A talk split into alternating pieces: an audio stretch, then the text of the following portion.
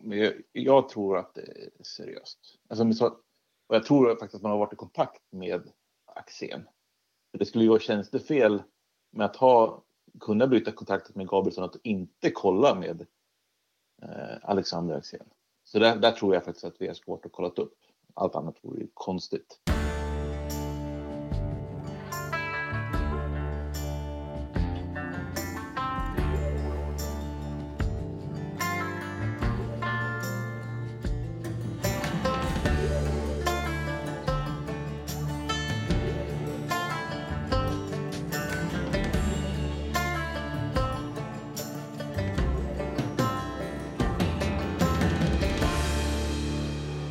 Hej och välkomna till ännu ett avsnitt av Uppför bågebacken! Yay! Vi väntade in det obligatoriska yay-ropet. Eh. Som vanligt är det jag, Johan och Anders som är här i podden. Mm. Och eh, vi har en eh, till gäst med oss idag. Ingen mindre än Henrik. Hej Henrik! Tack så mycket för att jag fick komma hit. Det var sex månaders karantän för att få delta igen. Ja, nej men... Ja, det... Eh, nu är du tillbaka. Eh, vilket avsnitt var det du var med i tidigare? Vad var det? Det var, det... det var inför Superettan med Henrik Nilsson. När det var Henrik och Henrik. Ja, jag sa väl någonting ont om Batan, att han, jag var tveksam på honom och sen ja, fick jag så. inte vara med någon mer. Nej, sen han blev skadad så var det ju liksom personen man grata i podden. Mm. Så var det ja. Vi kunde inte ta in någon bat, Batan-hatare då kände vi. Nej, inte efter hans svåra skada. Nej, det där var skämt, ingen som hatar Batan. Okej, nu eh, tar vi sikte på eh, dagens podd. Eh, vi, tänk, vi har lite alla möjliga spännande ämnen. Och, men vi tänkte börja med den senaste matchen här som VSK spelade mot Degerfors häromdagen. Vad, vad var era tankar inför den matchen?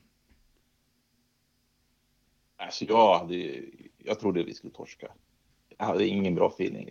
Två raka förluster och sen Degerfors, många många bra prestationer på slutet. Så jag, innan matchen tänkte jag att tar vi poäng så är det bra. Det var mina tankar. Mm, ja, jag håller med.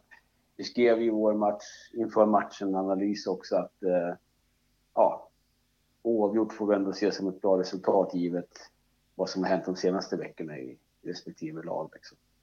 Så det var ju med i princip noll förväntningar man gick till matchen och Även om man kanske förstod att de inte kommer att göra en likadan platt match som de gjorde mot Brommapojkarna matchen före så ja, någonstans så är ju Degerfors ett betydligt bättre lag än vad Brommapojkarna är. Så att det är klart, om man bara skulle kunna rucka dem så skulle det krävas betydligt bättre insatser.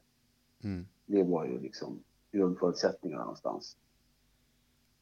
Ja, sen, var, sen ett par dagar innan så visste man inte hur många som skulle vara med heller. Alltså, både Kalle och Lir saknades, som skadade. Det är två ordinarie mittbackar, sen var det osäkert om både Boris och Carlos skulle vara med. Liksom. Det, det, det. Mm. det, är många duktiga spelare. Ja, det har varit lite krisartat med tillgång, inte minst på, på, på backfronten. Men, men det, eh, det gick ju rätt hyggligt för Soka och de som fick, eh, fick chansen här på, i matchen ändå, eller hur? Ja, jag tycker Soka var nog matchens utropstecken. Han såg väldigt stabil ut rakt igenom. Mm. Men eh, hur, ska, hur, kan man beskriva de här matchen fram till ledningsmålet? det var ju ingen sådär, alltså det var ju disciplinerat och, och sådär, men det var ingen superspännande fotboll ändå, även om man måste väl säga att VSK gjorde bra ifrån sig även fram till med, eh, målet. Men hur, hur, vad, hur skulle ni beskriva matchen? Jag tyckte det var en ganska jämn match mellan två lag. Och jag kände i paus att jag var ganska nöjd med 0-0. Mm. Eh, inte för att det, ett slumpmål hade kunnat bli för Degerfors och VSK också, men jag tyckte 0-0 var ganska rättvist i halvlek. Och sen, sen tycker jag VSK hade faktiskt klart bättre lägen i andra än vad Degerfors hade. Mm. Så det, jag tycker nog segern är rättvis, men klart det var jämnt ja, nej, det var jämnt. Det var två disciplinerade lag som inte ville förlora den här matchen. Och Degerfors försökte ju vinna matchen genom att spela disciplinerat och vänta ut VSK och lägen. Och VSK gjorde likadant. Det är klart, då blir det inte så mycket målchanser när båda är noga med positionerna och inte går bort sig. Men å andra sidan blir det inget sprakande anfallsspel heller från något av hållen. Så det är klart att det blev ju en match som ja, borde ha slutat 0-0 då. Om den inte, ja, nu gjorde den inte det, men den kanske borde ha gjort det. Målet som blev mål, kanske man, det kanske inte är en 1,0 på expected goals, men eh, turnékarvan eh, Um, eller vem var det mer som var tredje? När de var tre mot målvakten där och, och sumpade ja, målchansen. Det, det, det, måste ju vara 1,10 expected goals eller någonting. Jag vet inte. Hur, jag, jag, tror att det är svårt att komma upp i så här. Jag tror att det högsta är typ 0,8. Men, okay, jag men, det, men, ut, mm. men uh, jag förstår vad du menar. Poängen är det var ju nog den bästa ja. målchansen som vi ska sumpat i år. Mm. Den kom ju... Skulle säga de senaste tio åren. Men hur kan man inte göra mål? Ja. Alltså, hur kan man så nonchalant slå bollen med utsidan av foten istället bara för att bredsida den med lite kraft. Mm. Eh, otroligt slarvigt av Filip. Han får underkänt på mm. alla parametrar där och han skriver ju själv på Twitter att det är skämskudde för, för livet. Och det är precis vad det är. Tur att han har ja. ganska många poäng på pluskontot sedan tidigare. Exakt, eh, exakt. Det, det, glöm, vi, vi glömmer det fort och vi vann matchen ja. ändå. Ja, vi kommer inte glömma det. Han kommer inte få höra så länge han lever i och för sig. Men, kan... men uh, vi, vi förlåter honom såklart. Men uh, han kommer få höra det. Ja, det kanske blir en YouTube-klassiker eller någonting. Ja, det är, det är ju redan. Ja. Eh, vad tycker du om bytena eller, bytena eller inhoppen? Vad ska man säga? Eh, de som kom in var väl i alla fall Dogge och Karvan. Eh, visst gjorde vi tredje byte också? Ja, Brisha kom in. Brisha, ja, precis. Karvan levererade ju helt klart. Och jag tyckte att Dogge såg eh, pigg ut. Och Berisha, det är väl det här klassiskt äh, taktiskt eh, eh, byte. Så de fick ju, vad ska man säga, alla fick ju bästa möjliga effekt nästan på något sätt eh, ändå. Ja, det var svårt att säga att man skulle byta ut, byta in andra. Det var inte så många på bänken heller. Nej. Det är klart att det var ett vågat byte att ta ut Spänn, för han var ju ändå, han har ju varit liksom central, eh, ja, anfallets centrala punkt i de senaste matcherna med, med spelat väldigt bra och gjort mål också för den delen nu. Så att, att ta ut honom när det ändå var ja, 25 minuter kvar och vad det var, det var ju lite vågat såklart. Mm eh, och sätta in Karvan istället. Men eh, det blev ju, visade sig vara ett lycko bra. Nu tror jag i och för sig Spann hade tagit den löpningen också, det tror jag säkert. Men eh, Karvan och, och Filip hittade varandra sen gammalt så det var väl, det var ju lyckosamt såklart. Eh, och han tyckte väl se någonting i det där att Karvan skulle kunna kanske göra det snäppet bättre än Brian givet hur matchen hade utvecklats. Så, ja. Sen var det jäkla synd man... att han drog av sig tröjan där och fick ett gult kort, vilket innebär att han är avstängd i, i matchen mot Norrby här på, eh, på onsdag. Det kan han ju inte ha varit medveten om eh, själv här nu när han var, kände som att han var nära att ta tillbaks, eh, eventuellt kunna ta tillbaks en eh, plats i startelvan och, och sumpa den på, på grund av ett kort. Det var ju lite snopet. Men, Nej, det där, mm. jag håller med. Det där, sånt där måste man ha faktiskt bättre koll på. Alltså Norrby är ju en viktig match för klubben. Mm. Absolut. Och, alltså det, jag tror det bara var Boris och Karvan som var i farozonen för att bli avstängda till Norrby. Och vi lyckas få båda avstängda. Mm. Så mm. Men hörni, jag tycker att alltså, hela, så här långt under säsongen så har det varit ganska tvära kast i liksom, hur vi själva, eller liksom, hur alla vsk ser på säsongen. Det har ju inte varit kanske så att man har sagt, eh, vi ställde ju frågan om folk var Ehm, på Facebook på Anna 1904 om folk var nöjda eller inte. Och då de flesta, eller om man gav godkänt eller inte. Och det var väl en 80% som ändå gav godkänt. Men det har ju varit perioder där man har varit mer eller mindre orolig. Och då kan jag säga så här, innan den här matchen så var jag orolig fortfarande, seriöst orolig för det här med kval eller, eller, eh, och att åka ur. Nu direkt efter en sån här trepoängare så har man liksom, då väger balansen över på att vara mer positiv. Nu har vi en, en vecka med två riktigt viktiga matcher. Norrby borta, Öster hemma. Tror ni jag kommer få ändra mig igen här under veckan? Alltså kommer man bli orolig eh, och eh, eh, trygg igen under den här veckan? Eller hur tror ni att det kommer att se ut? Jag tror att det här med orolighet ligger verkligen nära VSK-hjärtat för många. Jag var inte så jätteorolig att vi skulle åka ur innan Degerfors. Jag tyckte ändå att det var, så hade vi fem poängs marginal. Jag tyckte det var ganska bra med tanke på att det är så få omgångar kvar. De säger ju att det är typ en poäng på omgång man kan ta, ta igen om man har optimala förutsättningar.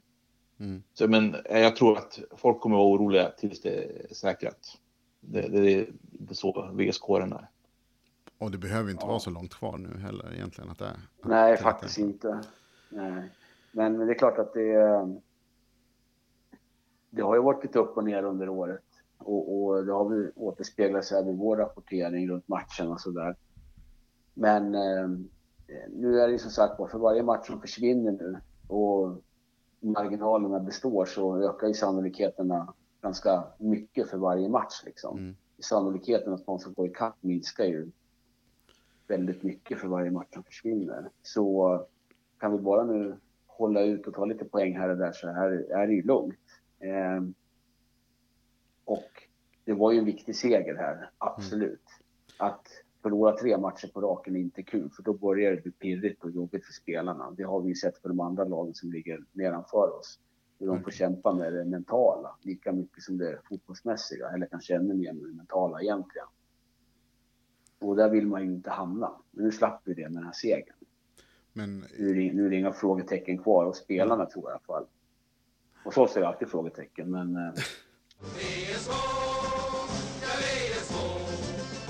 Ska vi, ska vi blicka, eh, nu har vi snackat igenom matchen och tabelläget lite grann. Ska vi, vad säger ni om att blicka lite framåt mot eh, 2020?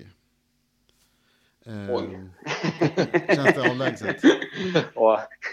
är det Norrrättan då? eller vad, vad är det Vilken, vilka förutsättningar pratar vi om? Sagt? Ja. Har vi gått i konkurs eller? Eh, ska vi prata vi alla företag? utan att vi så här garderar oss eh, på alla möjliga sätt. Det här handlar inte om att vi vet någonting eller tar ut någonting i förskott. Utan att man, det är ju ändå i det här läget nu som klubben tittar på och måste jobba med att förbereda sig för nästa Mm. säsong. Och vi vet ju att det händer och vi har ju även skrivit om en del eh, rykten och annat som är på gång. Och mycket av det handlar ju till exempel om det här med tränare. Blir eh, Thomas Gabrielsson kvar? Addo har varit ute i VLT och pratat om att eh, han behöver en annan roll eller så är det kanske slut för hans tid då i VSK. Eh, och det är väl lite de frågorna som gäller nu. Hur, hur ser det ut med tränare och sportchef för 2020? Vad, ska vi ha en manager eller sportchef? Och vad, är, vad är det vi behöver? Vad behöver VSK? Vad, vad tror ni? Alltså jag har börjat gå tillbaka att vi ska ha manager igen. Jag vet inte varför, men jag tror att det är en billigare lösning än sportchef. Eh, någonting behöver ju, men... Den roll som, som gavs till Mjällby, liksom, att, vara, ja. att vara både tränare och sportsligt ansvarig i ja. klubben samtidigt. Alltså, när Mjällby lämnade, då var jag helt övertygad om att vi skulle ha sportchef. Dels för att det skulle, ja, det man märkte var ju att när sport, eller Mjällby drog så blev det ju scoutingarbetet, det tog ju paus.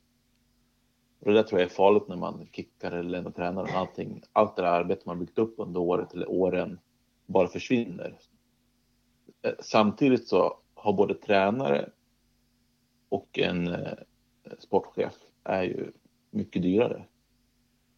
Så då är frågan vad man får mest värv för pengarna. Och kan man få till en, en sportslig organisation som är delvis uppbyggd ideellt men med en manager så kanske det är det bästa. Jag vet inte. Jag, jag är lite velig kring det här.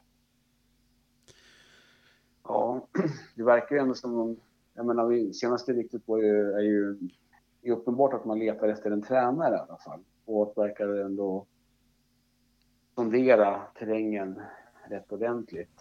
Och eh, de, man verkar åtminstone Nu kan ju för sig en sån som Axén vara manager eller sportchef också. Han har ju sagt att han är öppen för olika roller.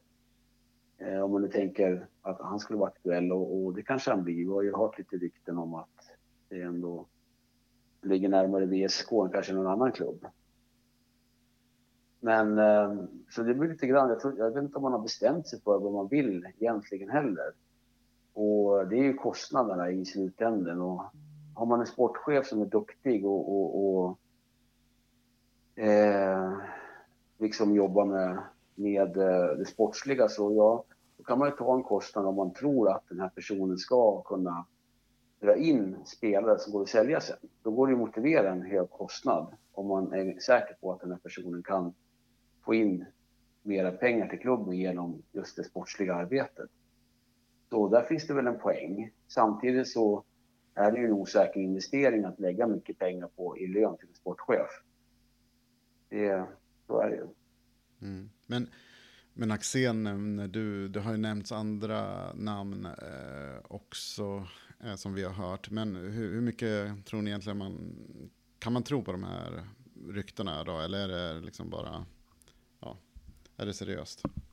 Seriöst. Alltså, och jag tror faktiskt att man har varit i kontakt med Axén. Det skulle ju vara tjänstefel med att ha, kunna bryta kontakten med Gabrielsson att inte kolla med eh, Alexander Axén. Så där, där, tror jag faktiskt att vi har svårt att kolla upp. Allt annat vore ju konstigt. Mm. Eh, men det gäller ju verkligen att fundera och fundera på vad, vad får man bäst med pengar. Jag kan tänka mig att Gabrielsson är en ganska billig lösning. Vad skulle man vilja ha med meriterad sportchef? Ja, men då kanske det är bättre att ha kvar Gabrielsson och få bättre stöd på sidan om. Vad vet jag. Mm. Mm. Men kolla gör man ju. Alltså det... Vi får sätta Annos statistikenhet på att kolla all, alla fotbollstränarens deklarationer och sådana här saker. Så vi kan göra en lista på de mest tänk, de bäst tänkbara. så får vi se, se, titta på deras värvningar helst... de har gjort och mycket har gått för. Så att vi har lite att pyssla med i vinter, absolut. Exakt. Ja. ja. det skulle man ju ha. Expected Och vi vill då ha någon som är ekonomiskt oberoende. ja, just det. Nu levererar du.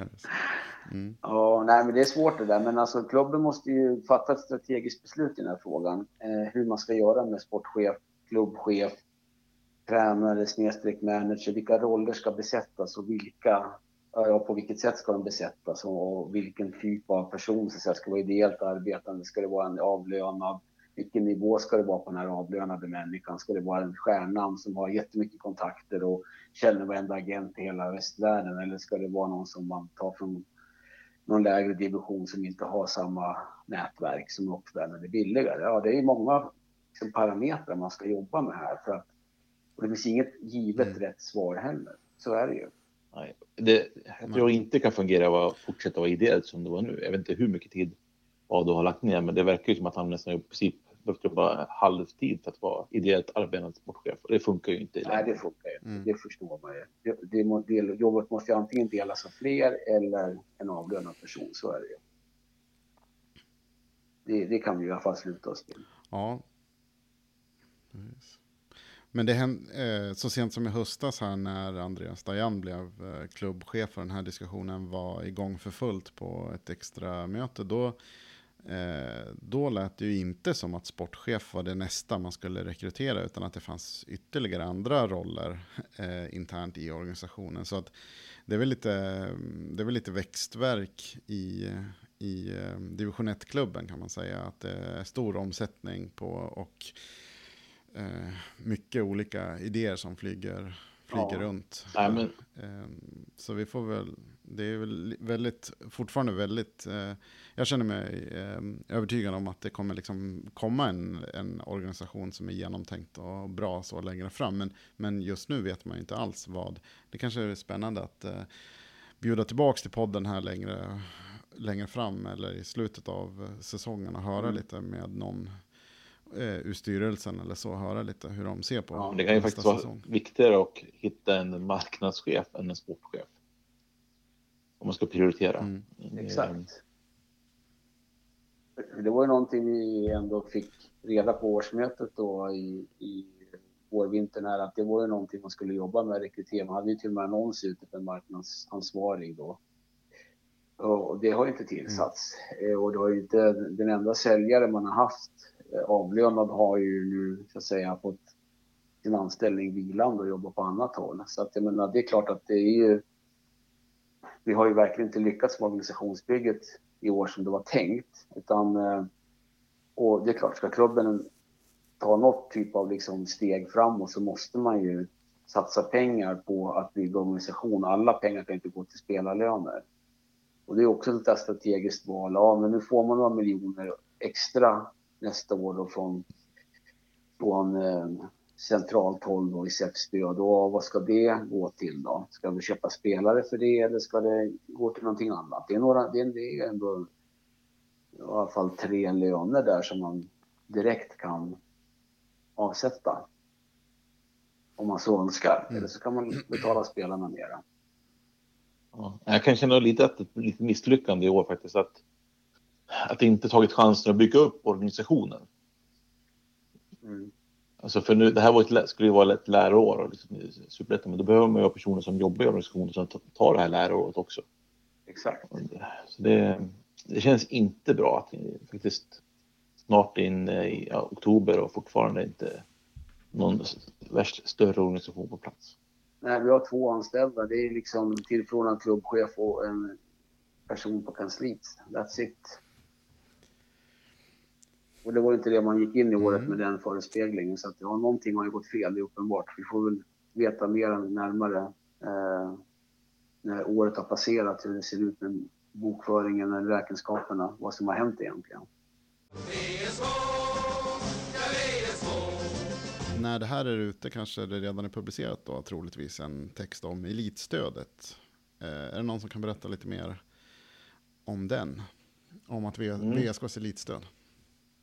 Nej, men eh, enligt kommunen så kommer VSK Fotboll att få 371 000 i elitstöd.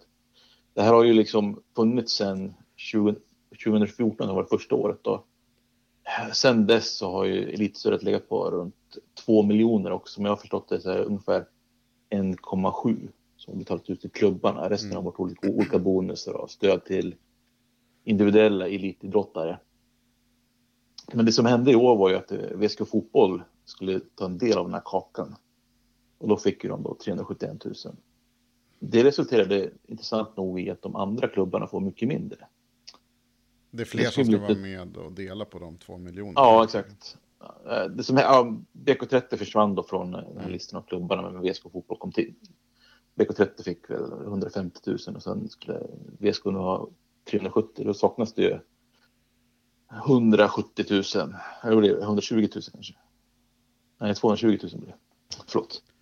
Kväll. Eh, men eh, det har ju, det har ju gått. Vik blev ju av med 79 000. Eskilbande herrar blev av med 72 000. Så det är många klubbar som får en mycket mindre pott mm. från de här elitstödspengarna. Men vet vi något hur det här, hur 371, hur det står sig i jämförelse med andra kommuner? Alltså vad andra klubbar, fotboll, på elit, fotbollsklubbar på elitnivå, hur, i, i rena pengar, hur mycket man får från andra får? Vet du det? Man har hört lite olika siffror eh, och kollat upp så här, men eh, GIF Sundsvall ryktas ju ha fått 1,6 miljoner. Mm.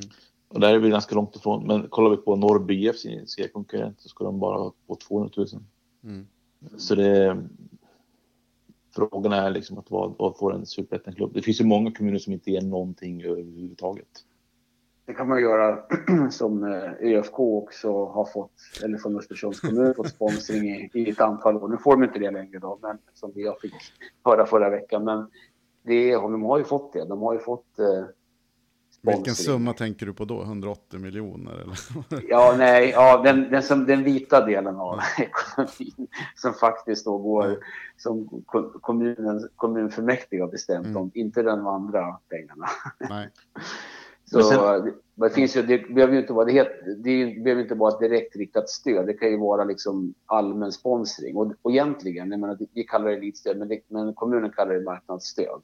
För att man tänker sig att det är ju, kommunen får någonting för att hjälpa elitklubbarna att, eh, att säga, lyfta staden. Mm. Så att det är ju inte ett elitstöd i en sportslig, idrottslig mening, utan det är ett marknadsstöd.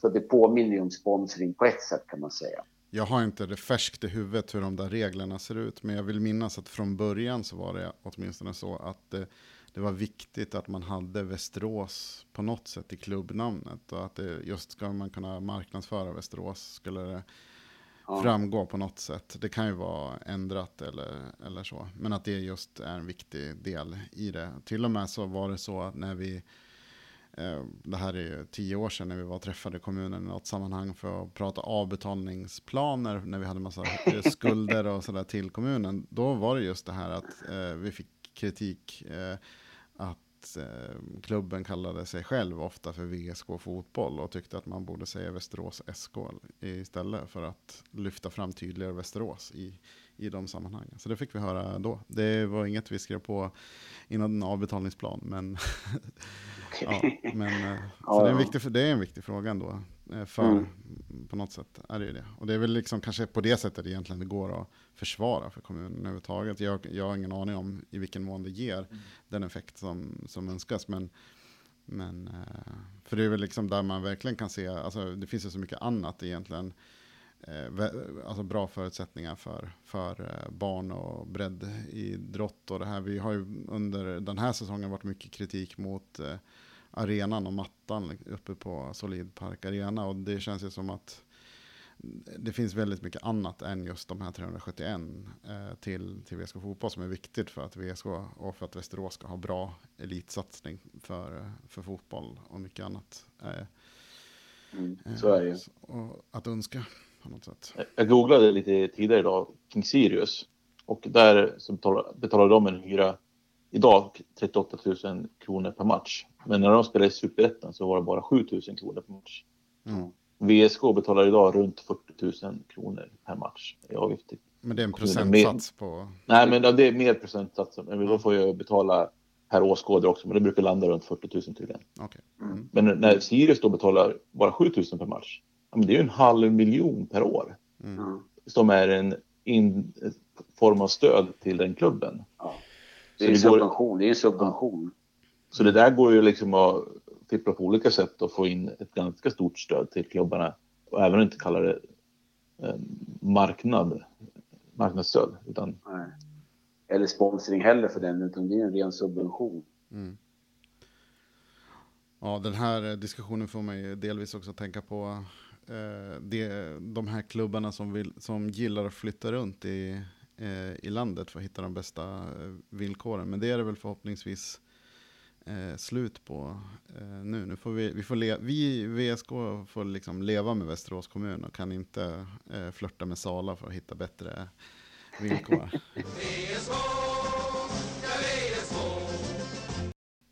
ja, det var ju eh, elitstödet. Tycker vi, är, det, är det någonting som vi ska, ska, brå, ska an och bråka om det här? Ska vi höja elitstödet? Alltså vi, vi... vi kan ju bara konstatera att det ser ju otroligt olika ut för klubbarna i landet. Vi har ju sådana kommuner som, som Växjö som liksom fullständigt praktiken öser miljoner över sina idrottsföreningar eh, i form av arenor som man sen då betalar åt dem via skattsedeln och på olika sätt understödet eh, och där de till och med kanske värre än vad Leksand är känd för sitt hockeylag och så mm. vidare. Men eh, och sen finns det de som verkligen inte ger mycket. Så det är ju, och landets olika idrottsklubbar, spelar ingen roll vilken sport det är, lever ju under väldigt skiftande ja, förutsättningar när det gäller det kommunala stödet. Det är ju bara så och det får, jag, det får man ju leva med. Eh, och förutsättningarna är ju givna. Man kan ju inte ändra på det om man inte liksom lyckas ändra styra, styrelse i staden då. Mm. Utan eh, man får ju ta in pengarna på annat håll om det inte går.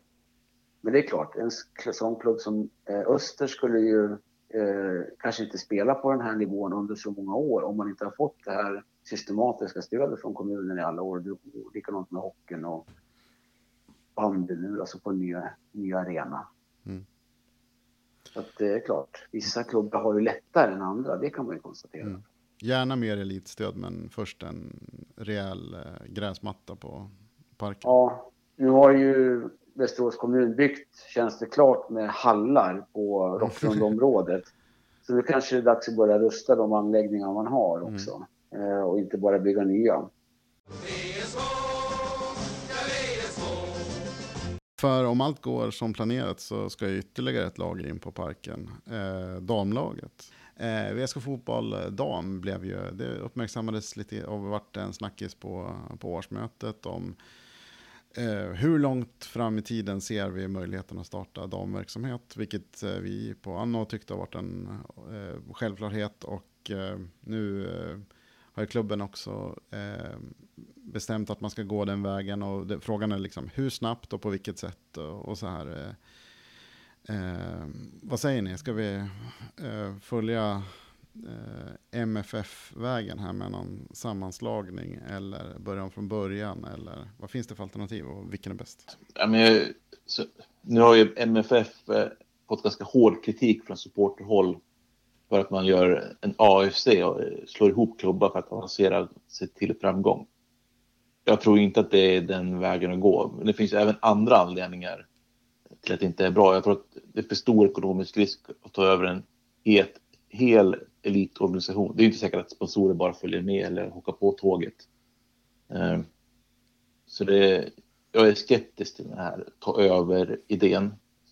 Det känns som att det är billigare och enklare att börja underifrån och sen få men, jobba till sig den sportliga framgången och bygga upp känslor för laget. Mm. Ja, jag håller helt med. Det är, det är eh, MFF har ju råd att gamla, de har en halv miljard på banken så för dem spelar det ingen roll. Men det har ju inte VSK och skulle vi ta över till exempel VK30 så pratar vi ju deras kostnader för att spela i division 1 som man gör nu då, så det är ju ändå en och en halv miljon per år som måste fram på något sätt. Och ska det inte tas från här verksamheten så måste man ju få någon att betala det där och, och det kanske man kan få. Men det är ju frågan om man lyckas med det till liksom Ja, om det är nästa år eller året därefter, det, det går inte att veta. Och, och papperna måste man ju skriva på nu, liksom. Det kan man inte vänta med till sista sekunden.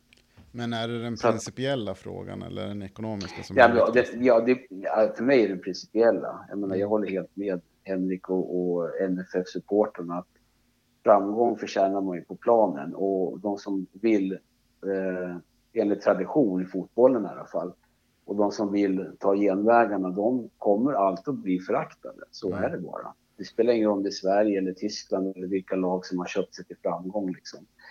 Det är, antingen gör man det med den ädla tävlingen liksom, och, och lyckas med det. Allt ifrån att fixa bra spelare till att fixa pengar och allt som behövs för att lyckas. Mm. Antingen fixar man det eller så gör man inte det. Men det är that's the name of the game. Liksom. Det är därför vi har olika divisioner. För att olika föreningar olika duktiga på det här.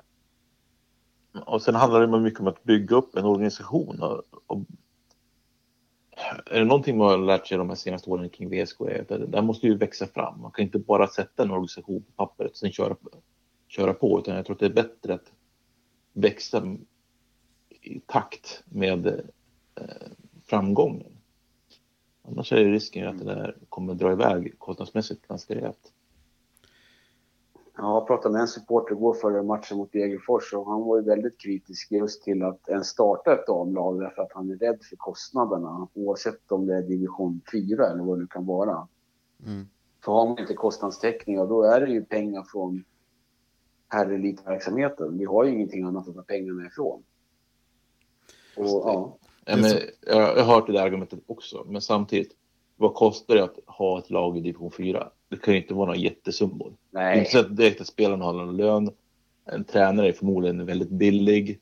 Även om man måste försöka hitta bra spelare så tror jag mer handlar om att ge dem bra förutsättningar med fystränare, tillgång till fys, alltså gymmet.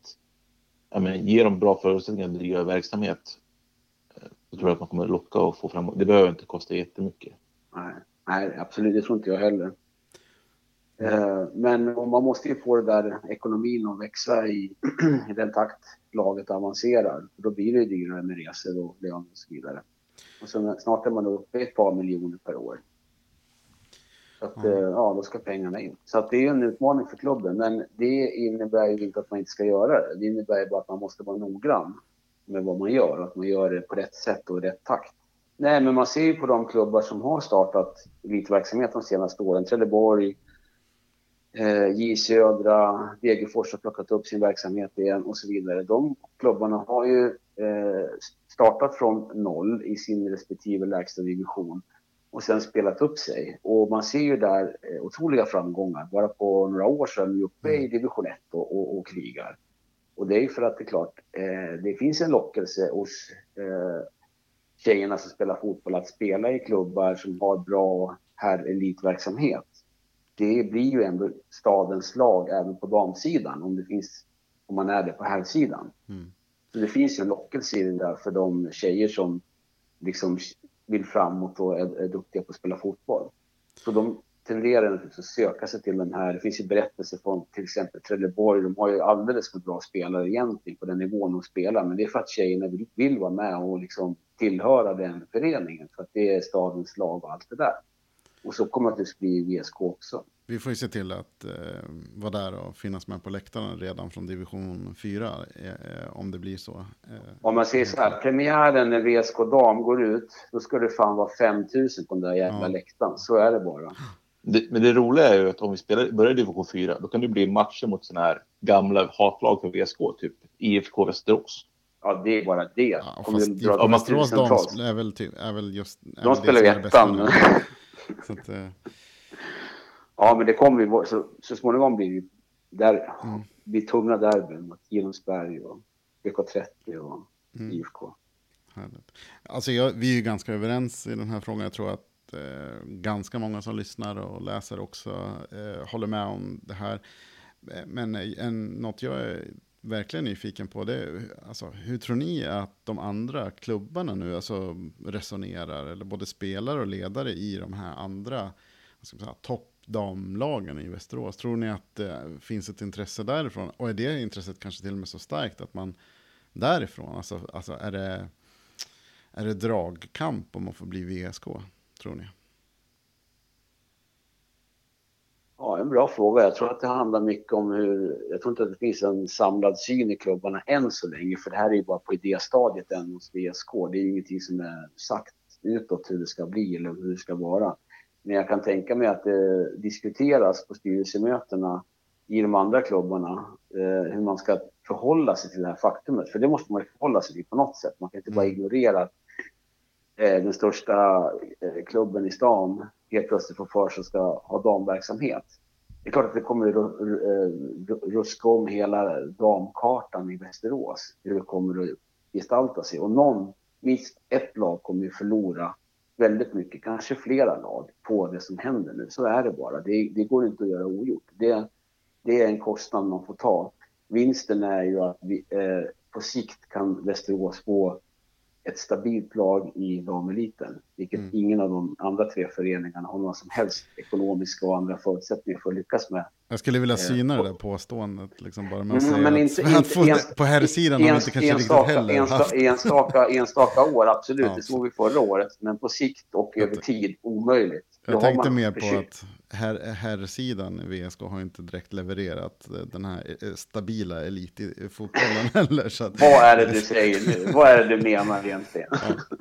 Nej. Men, men frågan är liksom hur stort, alltså, jag hör, läste på Sala Hebe Fotboll, som en utmärkt sida för övrigt. Att, som vi alla följer. mm. Ja, exakt. Grälsta skulle starta ett damlag och då verkar det ju vara flera västeråsare som skulle söka sig till det laget. Mm. Så det, det, kan ju ändå finnas spelare som blir intresserade av att spela i VSK som lagt av sen tidigare. Ja, det är inte så att det bara finns ett fast antal liksom.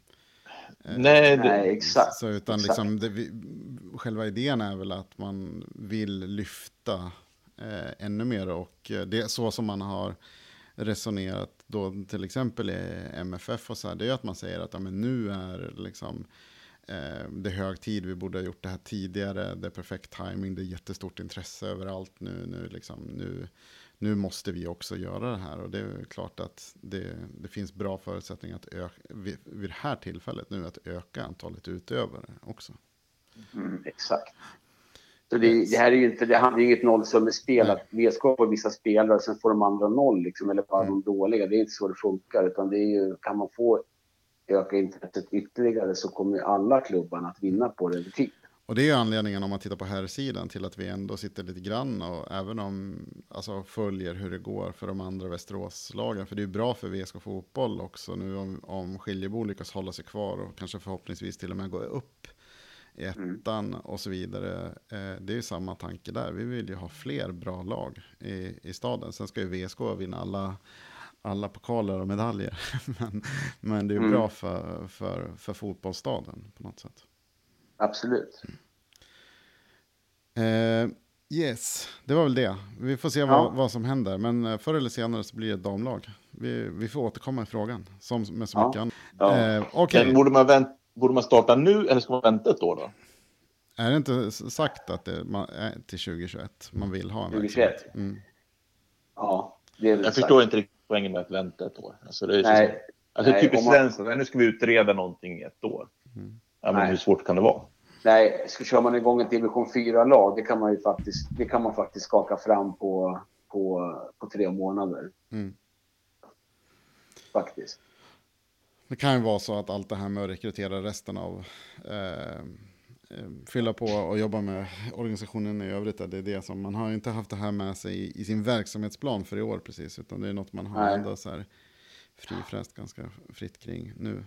Vi fick ju höra ett nej på årsmötet och sen, sen en, eh, ett extra möte där, där man sa att nu, nu kommer det hända något. Eh, ja. Så. Och där får vi ju tacka medlemmarna som faktiskt ja. sa ifrån. När, tack när Ulf. Mm. Ja, tack Ulf som faktiskt sa ifrån på skarpen att det inte var okej okay och verkligen fick med sig mm. många på mötet. Att nej, men så kan vi inte resonera att vi ska vänta i tio år på att få ett damlag. Det, det, är inte acceptabelt. Så att, eh, och där har ju styrelsen lyssnat på medlemmarna helt klart. Så det tycker jag är jättebra. Mm. Det, det, är stort. Så, det är så det ska funka liksom. några riktigt stora fotbollssnackisar sådär i övrigt i, i Sverige. Jag tänker på um, vad som händer i eh, Östersund och med ÖFK. Eh, Anno har väl något, någon, eh, måste ju ha någon där uppe som sitter i någon liten koja i Jämtland och liksom rapporterar kring det här. För det är ju liksom, slår ju, slår ju det mesta. Eh, den rapporteringen har ju blivit uppmärksammad både, både här och där. Eh, men vad, vad, vad, tror ni kommer hända nu med, med klubben som, som det ser ut? Eh, de hade ju det här med 10 miljoner på 10 dagar eller vad det är. Och nu har de påstått att de har fått in det mesta. Eh, betyder det att klubben är räddad eller vad händer?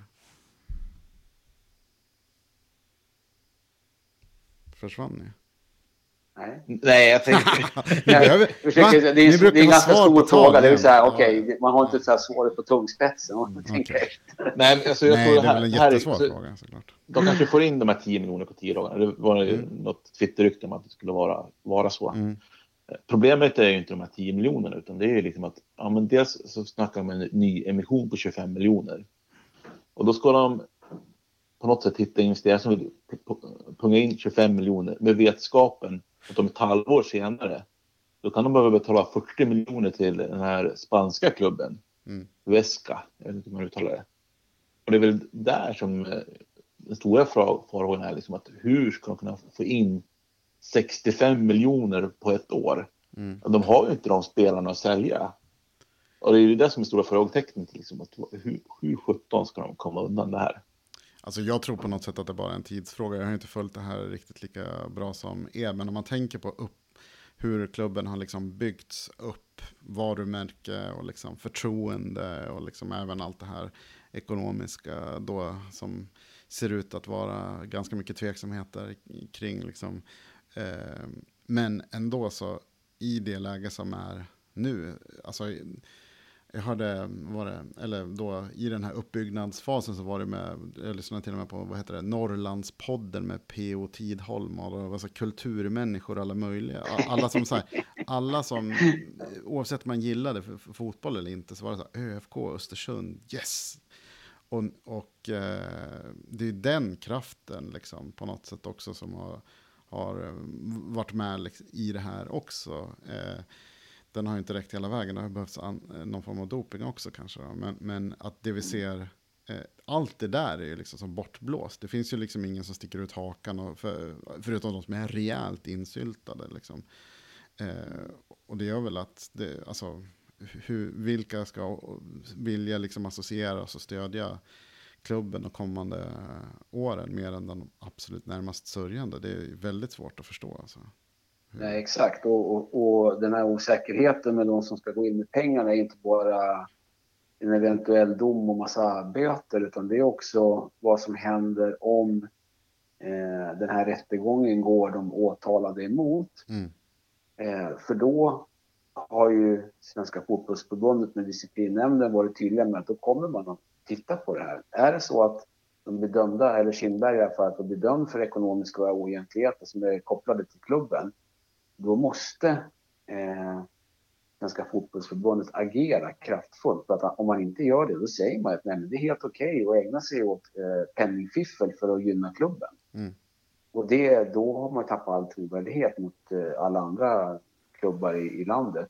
Så man måste statuera ett stort exempel med ÖFK om, om Kindberg blir fälld för de här sakerna som han är åtalad för. Mm. Och då är, pratar vi ju, ja då finns det ju egentligen bara två, det finns ju egentligen bara ett sätt då. Eh, det är att degradera dem. Det är det, det är det verktyget man har. Det är ju sparka, man kan ju sparka ut dem helt, precis som man gjorde med den här eh, Växjöklubben. Va? kan man ju sparka ut ur seriesystemet i värsta fall om det är sådana uppenbara oegentligheter. Nu kommer det inte vara så. Men man kommer ju sparka ner dem minst en eller två divisioner. Så blir det ju. Det, det måste man göra, det finns inget annat. Jag gillar Dessutom det här straffet ja. den rumänska klubben fick här för något år. Var det tidigare år eller förra året som fick tio års avstängning från, från seriespel. Det är så här. ja, det är lite tufft. Det kommer inte ÖFK drabbas av. Men, men de kommer ju, och det där, okej, okay, de, okay, de blir nedkickade i division 1 eller superettan. Ja, men hur ska de här investerarna få tillbaka sina pengar då? Hur ska det kunna förränta sig? Vilka spelare ska de sälja i superettan som ger dem något, något cash? Och vilken marknadschef kan berätta för sin vd att så här, du, vi har lagt in 400 000 i sponsor, sponsring här till, till ÖFK. Hoppas det blir en bra investering. Så. Det blir en bra sweet deal för oss här med, all, med, med positiv, eh, positiva omskrivningar. Mm.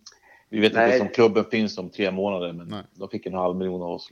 Mm. Ja, exakt. Nej, exakt. Det där, alltså, vem, alltså, det är ju, visst, det kommer finnas några die-hard som går in med pengar, men frågan finns tillräckligt mycket för att det ska eh, klara av att spela i allsvenskan nästa år. Man kommer kanske kunna, om man nu klarar sig kvar, vilket jag tror de kommer att göra, så kommer man ju kanske kunna ställa upp med ett lag, men man kommer behöva sälja spelare i vinter. Och vad är det för mm. lag man får ihop då? Man kommer ju åka ut på sportsliga grunder, ja. inte annat. Och, då, och så blir man degraderad om nu rättegången går Kindberg emot. Och det kommer ju avgöras om det nästa år, för det kommer bli överklagat till hovrätt såklart. Här. Mm.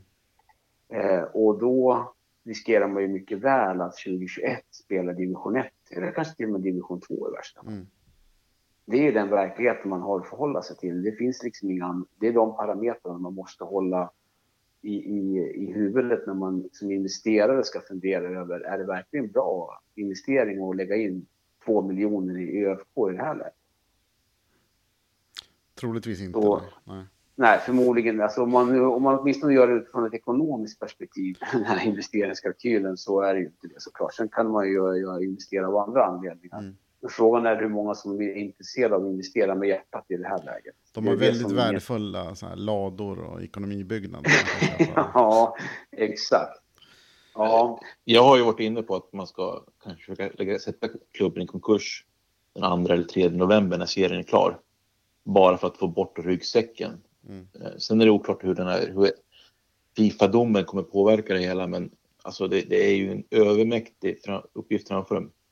Att då bara flyttas ner en division på grund av mm. konkurs är ju ganska lindrigt. Absolut. Men det som är riktigt tråkigt som eh, vi som VSK vill man inte blicka för högt upp i seriesystemet och så här. Men det ser ju ändå ut som att det här också kan avgöra eh, om det händer något med Östersund eller ÖFK innan säsongen är avslutad så riskerar ju också tabellen att ritas om. Och ut, alltså, det kan ju påverka vem som vinner SM-guldet. Det är ju faktiskt eh, riktigt eh, mm. tragiskt. Men tidigare år, alltså VSK har ju spelat mot det här laget när det då eh, rimligtvis, eller, då, eller hur ska man uttrycka sig, det potentiellt har varit ekonomiskt dopat också. Så vi har ju också fått lida av mm. Eh, det här fifflet. Exakt. Alltså. Och det måste bestraffas. Det måste bestraffas. Och det kommer ju Svenska fotbollsförbundet att göra om Kindberg blir fälld. Alltså vi kommer ihåg också 2012 när eh, VSK mötte Östersund så låg Östersund sexa, eller femma eller sexa inför eh, sommaruppehållet. Och då värmade de Nils Magic från, eh, från VSK som inte hade råd att behålla honom. Mm. Och sen kunde de gå om eh, Sirius bland annat. Så de, det, det året var det både VSK, VSK hade ungefär samma utgångsläge som ÖFK, men hade inte råd att behålla spelarna. Det, det är tråkigt att säga, men redan då så har det skett påverkning. Mm. Precis, precis.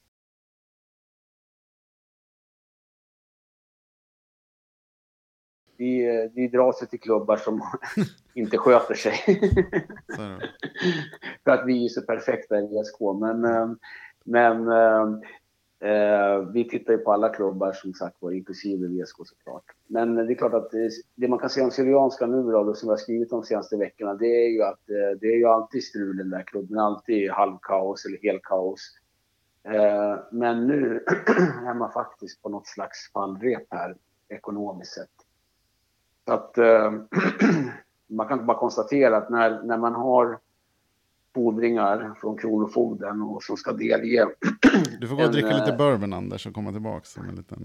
Som klubb då hamnar i det läget som, som, eh, som eh, Syrianska har gjort nu då, så är det ju extremt svårt. Det är ju en jäkla grop alltså. Du mm. har, får ju inte till några pengar och det är liksom okej att de betalar svarta löner till spelarna men och det är ju en sak, men jag menar, de klarar inte ens av den typen av ekonomi längre. För nu den, hela den vita ekonomin är, är kraschad. Va? För att allting som de betalar, nu har de alltså fordringsägare på den privata sidan, det vill säga där de faktiskt betalar för material och bollar och sånt där, bussbolag. Även där betalar de inte räkningarna längre. Va? Så att nu är det ju riktig kris i klubben ekonomiskt sett. Så frågan är ju om de fixar det här. Och för jag har ju svårt att se att de gamla familjerna som startade den här klubben en gång i tiden är beredda att gå in och betala eller liksom dra igång de nätverken igen för att lösa den här situationen. Jag tror inte det, om jag ska vara ärlig. Så att jag tror att den här klubben är väldigt mycket på fallrepet just nu. Och åker man ur så tror jag ingenting kan rädda den här talat.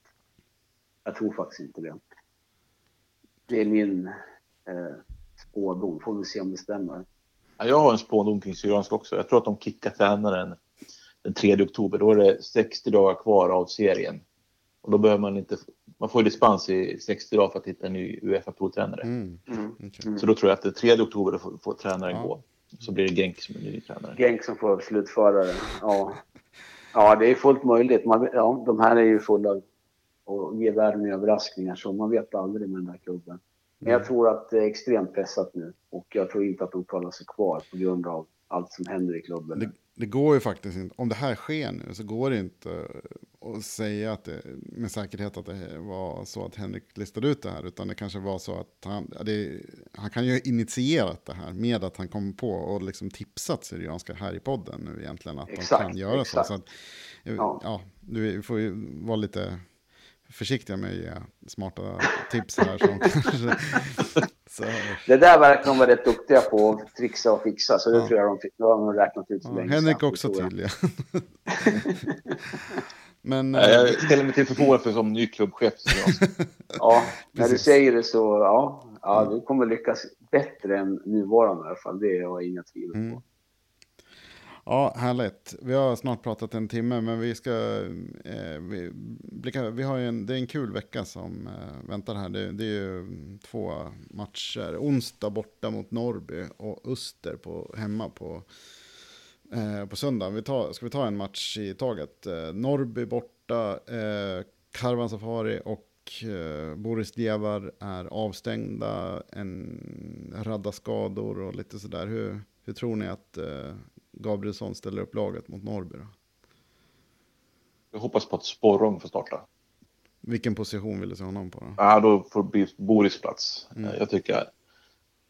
Jag såg matchen som han spelade mot eh, Bissarna. Mm. Men när Bissarna mötte Gävle, ja. det var förra veckan. Dagen innan eh, den berömda BP-matchen. Ja, han var riktigt bra. Alltså det är defensivt för hållen, absolut.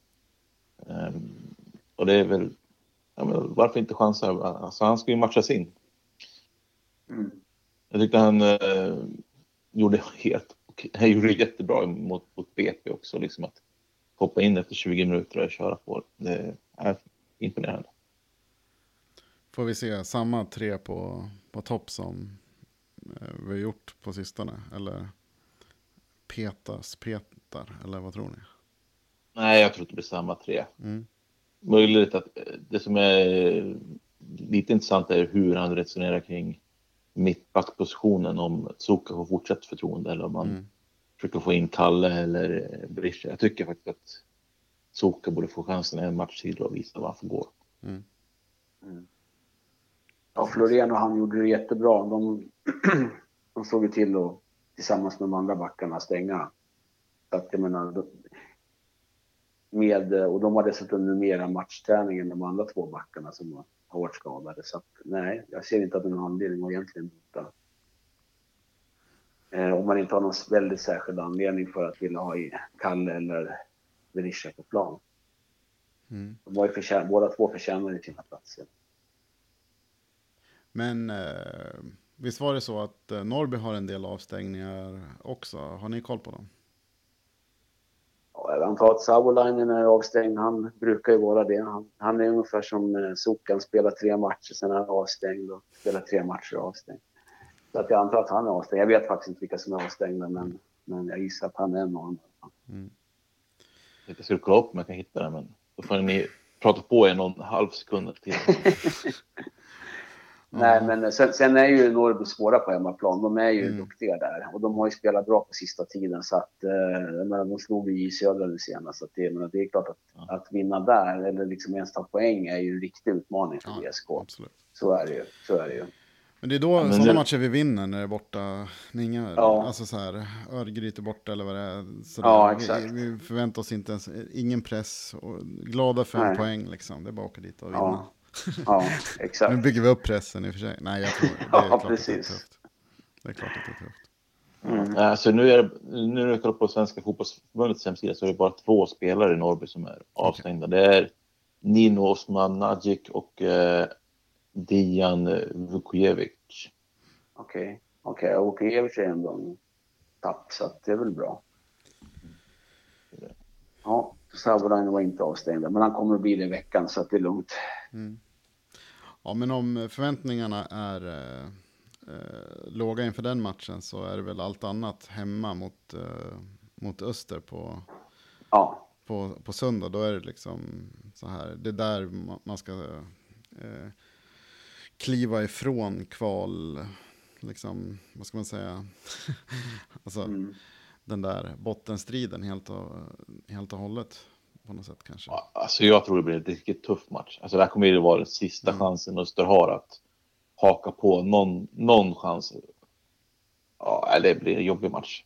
ja, det blir en jobbig match. De kommer att vara desperata på riktigt. Och får de ett mål, då kommer de att, precis som BP, kriga in till kaklet med liksom allt de har. Eh, så ska VSK vinna den matchen så måste man verkligen gå ut och kriga Mm. och göra en mycket, mycket bättre match än man gjorde mot BP som på något sätt är två bottenlag som var i desperat behov av poäng. Det är samma, exakt samma här. Och det går inte, det går, och mot, de, eh, mot de lagen med den inställningen så ja, då måste man ju vara lika desperat själv för att kunna vinna matchen. Så är det ju. Mm. Och anledningen till att vi ändå vann matchen i, i, mot Degerfors, ja, de hade ju faktiskt ingenting att spela för. Jag menar, det, det, det har ju betydelse. Så är det ju. Absolut.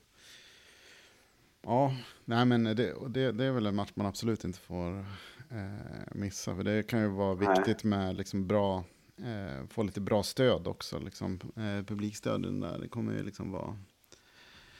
Eh, när, när VSK petat in 1-0, sjung, sjunga hela vägen fram till, till, eh, till 90 så att Öster gråter sig i mål. Precis. Och åker ur. Så är det. Tufft. Tufft, tufft. Eh, hörni, vi har snackat i eh, lite över en timme nu. Och Mm. eh, eh, en eh, lite rolig sak som vi ska komma ihåg att nämna här så här i slutet av podden till de som var duktiga nog att orka lyssna sig igenom hela timmen är ju att vi har en liten anno 1904 after work på gång. Yes. Eh, det är fredag den 25 oktober eh, från 17.00 eh, och framåt tills alla tröttnar och ger upp. Eh, och eh, eh, det här kommer vara på Birkeller i Västerås. Eh, vet man inte var det ligger så får man fråga en kompis. Eh, ja. Och eh, lite mer eh, om vad som kommer hända under den här afterworken, det kommer man kunna läsa sig till på Anna 1904 eh, längre fram. Men eh, Spännande. det kommer bli kul, eller hur? Det blir ja, absolut, ser vi fram emot redan. Ja. Mm, så det är en, lite drygt en månad kvar till det. Det blir för jävla bra. Yes. Vilken dag var det nu då? Fredag den 25 oktober klockan 17. Så det är liksom, man har, eh, när lönen är på kontot och det är eh, fredag och eh, där, vår förhoppning är ju då liksom att då kommer vi på ett ungefär kunna ta lite snack, summera fotbollssäsongen på ett ungefär trots att det är någon match kvar och börja peppa lite grann inför för bandysäsongen och snacka lite om vad som och förutsättningarna, hur förutsättningarna ser ut där också. Mm. Kul. Det blir riktigt nice. Toppen. Ja. Ha det bra. Ja, tack så mycket allihopa. Hej, hej. hej då. Hej, hej.